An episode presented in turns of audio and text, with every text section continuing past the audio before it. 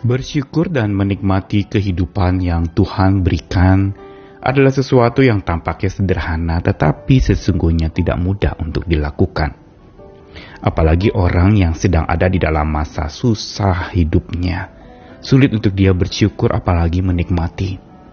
Atau saat di mana dia sedang sakit, dia sedang menderita, dia sedang sengsara, bersyukur dan menikmati itu jelas bukan perkara mudah bahkan cenderung dilupakan pada saat seorang sedang berkonsentrasi terfokus kepada masalah hidupnya.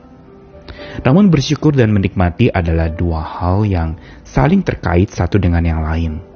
Sambil hati yang terus bersyukur, sambil jiwa yang mau menikmati, maka ini merupakan sesuatu kekuatan untuk kita bisa lebih mulus menjalani hidup, lebih tenang dan lega karena hati penuh syukur, walaupun mungkin kondisi sekitar sedang sulit atau sedang hancur.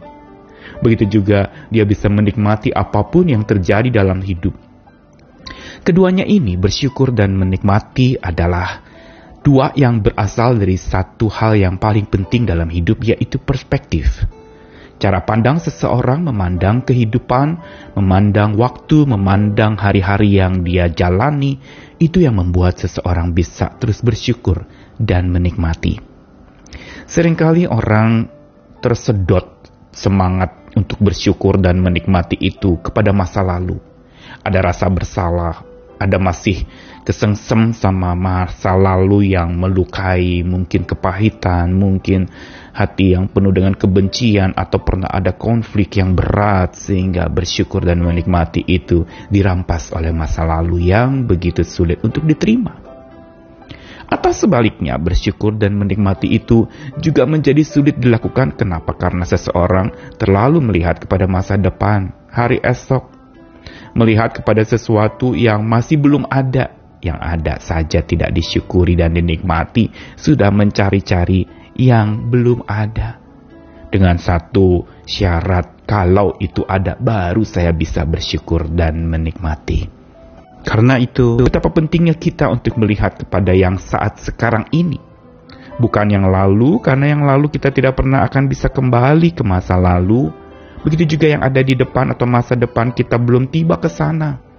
Keduanya masih tidak bisa kita sentuh. Yang lalu kita tidak bisa balik lagi, ya akan datang itu belum terjadi. Tapi yang ada sekarang ini, itu yang harusnya kita syukuri dan kita nikmati. Ini yang sering kali gagal orang-orang yang punya mimpi besar untuk bersyukur dan menikmati. Atau orang yang punya masa lalu pahit yang besar, sulit bersyukur dan menikmati. Tapi kita bisa belajar untuk bersyukur dan menikmati dulu apa yang ada saat ini, sekarang ini, dan selagi masih ada. Syukuri dan nikmati itu. Saya Nikolas Kurniawan menemani di dalam Sabda Tuhan hari ini dari dua ayat, yang pertama dari Mazmur 118 ayat 24, dalam Mazmur puji-pujian di sini tercantum, inilah hari yang dijadikan Tuhan, marilah kita bersorak-sorak dan bersuka cita karenanya. Lalu Lukas 19 ayat 42 kata Yesus, Wahai betapa baiknya jika pada hari ini juga engkau mengerti apa yang perlu untuk damai sejahteramu. Tapi sekarang hal itu tersembunyi bagi matamu. Kedua ayat ini menyinggung satu perkataan yaitu hari ini. Kalau kita mau menggali teologi hari ini, maka kita akan menemukan ada satu keunikan dan keindahan di baliknya. Karena hari ini bukan sekedar bicara soal tanggal, waktu, jam, atau pagi, siang, sore, malam. Tapi hari ini tuh bicara tentang kesempatan. Bicara tentang satu momen. Bicara sesuatu yang ada dan jelas itu realita ada di depan kita. Sehingga kalau kita melihat kata hari ini di dalam kitab suci, sesungguhnya Tuhan ingin ingatkan bahwa ini adalah kesempatan. Ini momen yang patut kita nikmati dan kita syukuri. Makanya Mazmur 118 itu mengatakan hari ini adalah hari yang dijadikan Tuhan. Ini lagu yang sering kita nyanyikan bukan? Hari ini hari yang dijadikan Tuhan berarti memang kesempatan itu diberikan oleh Tuhan. Dan kalau kita bilang hari ini, berarti itu saat ini juga, sekarang ini, bukan yang kemarin atau bukan yang besok juga. Tapi yang ada, yang jelas-jelas di depan kita, yang sedang kita tapaki hari ini, yang sedang kita jalani. Itulah yang patut pertama-tama kita syukuri dan nikmati dulu. Tidak kesengsem kepada masa lalu yang mungkin pahit, mungkin melukai dan kita belum bisa melupakan.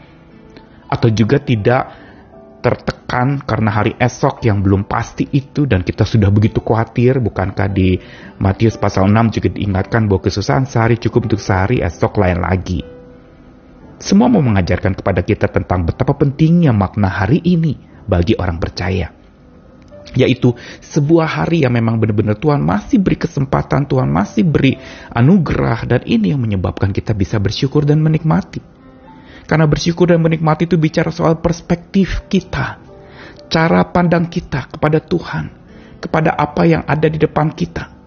Perspektif yang sederhana tetapi membahana. Perspektif yang gak mikir muluk-muluk tentang hari esok. Atau berpikir buruk-buruk dari masa lalu yang belum kita bisa lupakan. Ini yang sebenarnya Mas Nusa 18 ingin katakan. Ini hari yang dijadikan Tuhan. Mari bersorak-sorai dan bersuka cita karenanya. Karenanya di sini maksudnya apa? Kita bersorak, bersuka cita, bersyukur karena apa?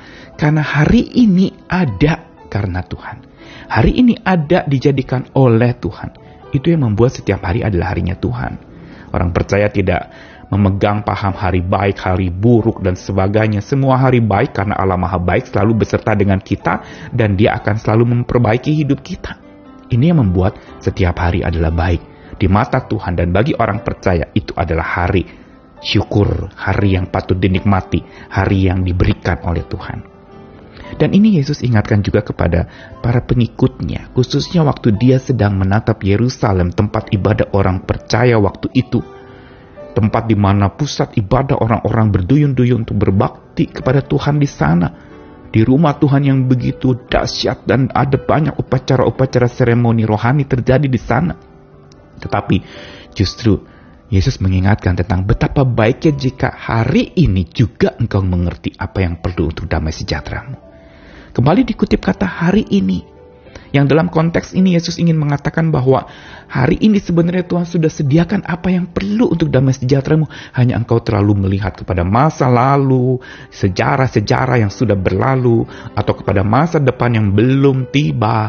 Dan itu menyebabkan kita terampas sukacita kita, terampas syukur kita, terampas kemampuan menikmati kita. Tetapi dikatakan semua itu bisa tersembunyi bagi matamu bila apa? Bila hatimu jauh dari Tuhan. Bila tidak ada interaksi dengan Tuhan. Karena bersyukur dan menikmati itu bukan saja bicara perspektif, tapi juga sesuatu yang berkaitan dengan hubungan interaktif kita dengan Tuhan. Perspektif kita dan interaktif kita Bagaimana kita dekat dengan Tuhan yang menjadikan hari yang masih beri kesempatan kepada kita, itu yang membuat kita bersyukur dan menikmati. Pelajaran dari dua ayat ini mau ingatkan kepada kita betapa pentingnya untuk kita bersyukur dan menikmati.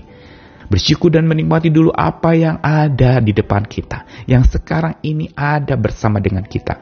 Jangan cari jauh-jauh yang belum terjadi. Juga jangan mundur ke belakang yang sudah terjadi. Tetapi syukuri apa yang ada. Karena yang sekarang ada belum tentu selalu ada. Karenanya syukur, nikmati saat ini. Begitu juga yang belum ada itu belum tentu akan ada. Kita bisa berharap ini itu, hari esok mau begini begitu. Tapi bisa jadi itu tidak ada kalau Tuhan mengatakan tidak akan kuberikan apa yang engkau inginkan. Dan bukankah ini membuat kita akhirnya nelangsa lebih baik? Hari ini mari bersyukur, nikmati dulu apa yang ada di depan kita selagi masih ada. Syukuri dan nikmati. Tuhan mengasihi kita, ayo terus memandang kepadanya, harus berpegang kepada janjinya, ayo terus beriman kepadanya dan terus berinteraksi dengannya. Perspektif hidupmu ubahkanlah oleh interaksimu dengan Tuhan yang kuat. Tuhan mengasihi kita sekalian, selamat dan terus belajar tanpa henti, bersyukur dan menikmati apa yang ada. Tuhan mengasihi kita sekalian. Amin.